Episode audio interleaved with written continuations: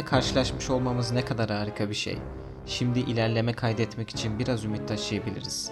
Niles Bohr Ben fizik yasalarını değiştiremem kaptan. Scotty, uzay yolunun baş mühendisi. Olanaksızın Bilimi mini podcast serisinin yeni bölümüne hepiniz hoş geldiniz. Bugün kuantumun çok daha derinlerine inip ışınlanma konusunu işleyeceğiz. Fakat bu konuyu tek bir bölümden değil birkaç bölümde ele alacağız. O yüzden şimdi ışınlanma birinci bölümüne hepiniz hoş geldiniz. Herkese keyifli dinlemeler.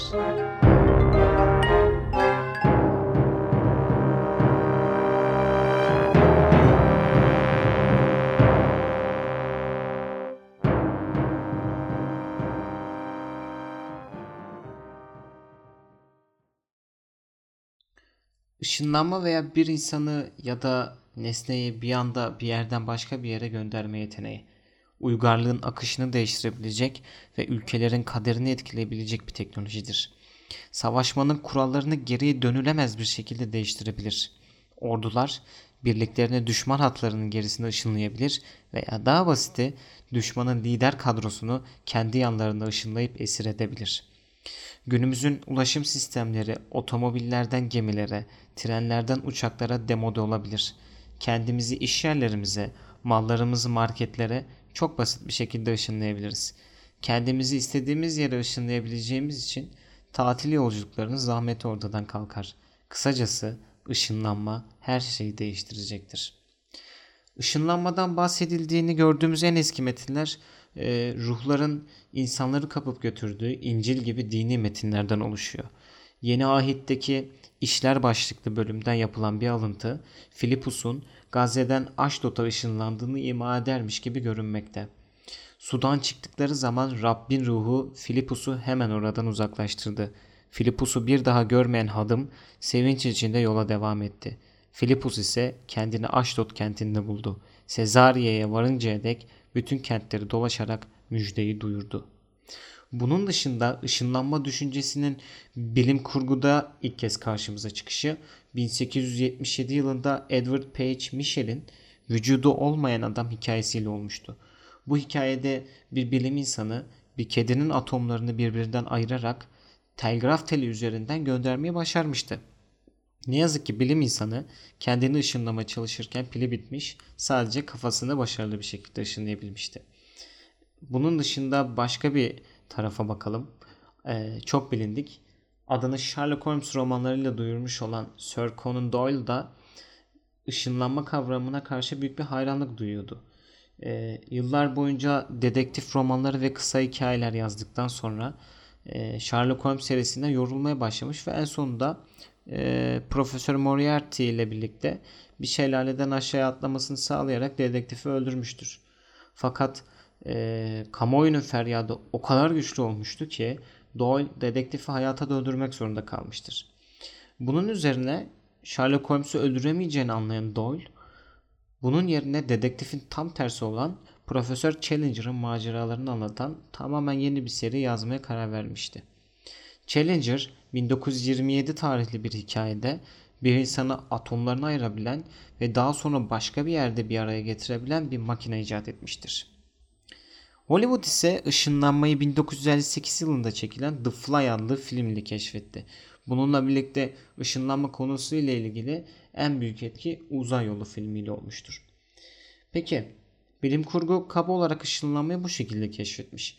Peki bizim asıl konumuz kuantum kuramı acaba ışınlanma ile ilgili bize nasıl bilgiler veriyor? Onlara göz atalım. Öncelikle Newtoncu kurama göre ışınlanma kesinlikle olanaksızdır. Newton yasaları maddenin minik, sert bilardo toplarından meydana geldiği görüşü üzerine kurulur. Nesneler itilinceye kadar hareket etmez, nesneler birdenbire ortadan kaybolmaz ve başka bir yerde ortaya çıkmazlar. Fakat kuantum kuramında parçacıklar bütün bu saydıklarımı yapabilirler. Fizikçiler atomların garip özelliklerini incelerken elektronların dalgalar gibi davrandıklarını ve atomun içindeki karma çorma görünümlü hareketler sırasında kuantum sıçramaları yaptıklarını keşfettiler. Bu kuantum dalgaları ile en yakından ilgili olan kişi bütün fizik ve kimyanın en önemli denklemlerinden birine adını taşıyan dalga denklemlerini yazmış olan Viyanalı fizikçi Erwin Schrödinger'dir. Schrödinger 1905 yılında Einstein ışık dalgalarının parçacık benzeri özellikleri sahip olabileceğini yani foton adı verilen enerji paketleri olarak tarif edilebileceklerini göstermişti. Fakat 1920 yılına gel gelindiğinde Schrödinger bunun tersinin de gerçek olabileceğini e, yani parçacıkların tıpkı elektronlar gibi dalga benzeri davranışlar sergileyebileceğini anlamaya başladı. Günün birinde Schrödinger e, dersinde bu merak uyandırıcı olayı inceliyordu. E, fizikçi arkadaşı Fitir Döbye bir soru ile ona meydan okudu. Soru şuydu. Eğer elektronlar dalgalar ile tanımlanıyorsa dalga denklemleri nedir? Newton'un matematiği icat etmesinden bu yana fizikçiler dalgaları dalga denklemleri vasıtasıyla tanımlayabiliyorlardı. Dolayısıyla Schrödinger, Döbye'nin meydan okumasını kabul ederek elektron dalgalarının diferansiyel denklemlerini yazdı. Tıpkı geçen bölümlerden de hatırlanacağı gibi Maxwell'in Faraday kuvvet alanlarını alıp içinden Maxwell ışık denklemlerini çıkarttığı gibi. Schrödinger de Broglie'nin madde dalgalarını almış ve elektronlar için Schrödinger denklemlerini ortaya çıkarmıştı. Ee, Schrödinger'in çalışmaları fizik dünyasında gerçekten şok dalgaları yarattı. Fizikçiler birdenbire atomun içine bakma, e, elektron kabuklarının meydana getirdiği dalgaları ayrıntılı şekilde inceleme ve bu enerji düzeyleri için verilere kusursuz şekilde uyan öngörüler elde etme olanağına kavuşmuşlardı. Fakat geriye bugün dahi fizik dünyasının aklından çıkmayan bir soru kaldı. Eğer elektronu bir dalga ile tanımlamak mümkünse o takdirde dalgalanma neydi? Bu soru dalgaların aslında olasılık dalgaları olduğunu söyleyen fizikçi Max Born tarafından yanıtlanmıştı. Bu dalgalar bize yalnızca belirli bir elektronu herhangi bir zamanda herhangi bir yerde bulabilme olasılığını söylemekteydi. Başka bir deyişle elektron bir parçacıktır. Fakat bu parçacığı bulabilme olasılığımız Schrödinger'in denklemi sayesinde mümkündür. Dalga ne kadar büyükse parçacığı o noktada bulma olasılığı o kadar da büyüktür. Bu gelişmeler aynı zamanda kesin öngörüler içeren fiziği şans ve olasılıkla tanıştırmıştı. Bu belirsizlik sonunda Heisenberg belirsizlik ilkesini yani bir elektronun hem konumunu ve hem de tam hızını bilemeyeceğiniz kavramını önermesiyle bir sisteme bağladılar. Fakat sağduyunun bütün temel yasaları kuantum düzeyinde aşırı derecede ihlal ediliyordu. Elektronlar ortadan kaybolabilir, başka bir yerde ortaya çıkabilir ve elektronlar aynı anda pek çok yerde olabilirler. Heisenberg'ün kuramı devrim niteliğindeydi ve tartışmaya da açıktı fakat aynı zamanda işe yarıyordu. Fizikçiler akılları karıştıran ve aralarında kimya yasalarında bulunduğu pek çok olayı tek bir hamlede açıklayabilmekteydiler. Örneğin kendi atomunuzun birdenbire kaybolarak odanızdaki duvarın hemen arkasında ortaya çıkma olasılığı yüzde kaç sizce? Böyle bir ışınlanma olayı Newton fiziği altında olanaksız olsa da kuantum fiziği buna gayet de izin veriyor. Bununla beraber e, bu soruya yanıt bu olayın gerçekleş gerçekleşmesi için evrenin yaşam süresinden daha uzun bir süre beklenmesi gerektiği şeklindedir.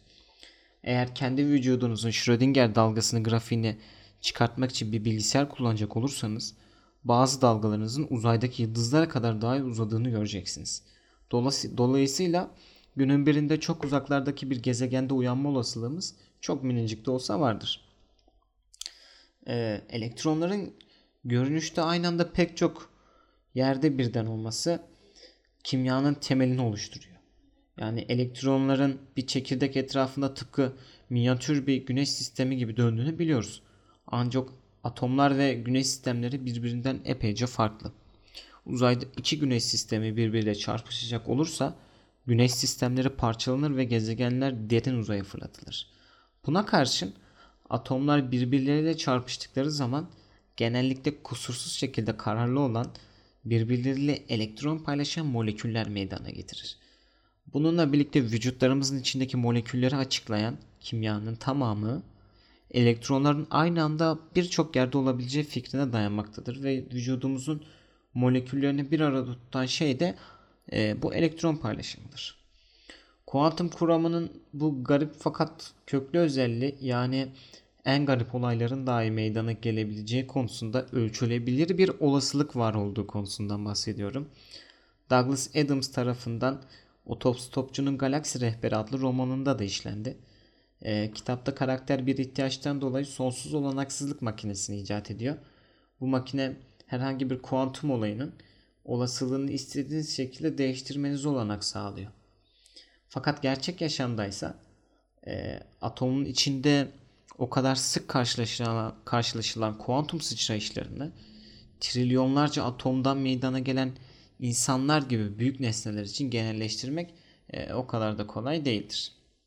Dolayısıyla atom düzeyinde ışınlanmaya izin verilmesine karşın bu garip etkilere makroskobik bir ölçekte şahit olmak isteyenlerin evrenin yaşama süresinden daha uzun bir süre kadar beklemeleri gerekecektir. Fakat bilim kurgu hikayelerinde olduğu gibi bir şeyleri istenildiği zaman ışınlayacak bir makine yaratmak için kuantum kuramının yasaları kullanılabilir mi? Şaşırtıcı gelebilir ama cevap evettir. Birinci sınıf olanaksızların ışınlanma bölümünde bu konuyla ilgili ilk kısmı bu şekilde bitiriyoruz.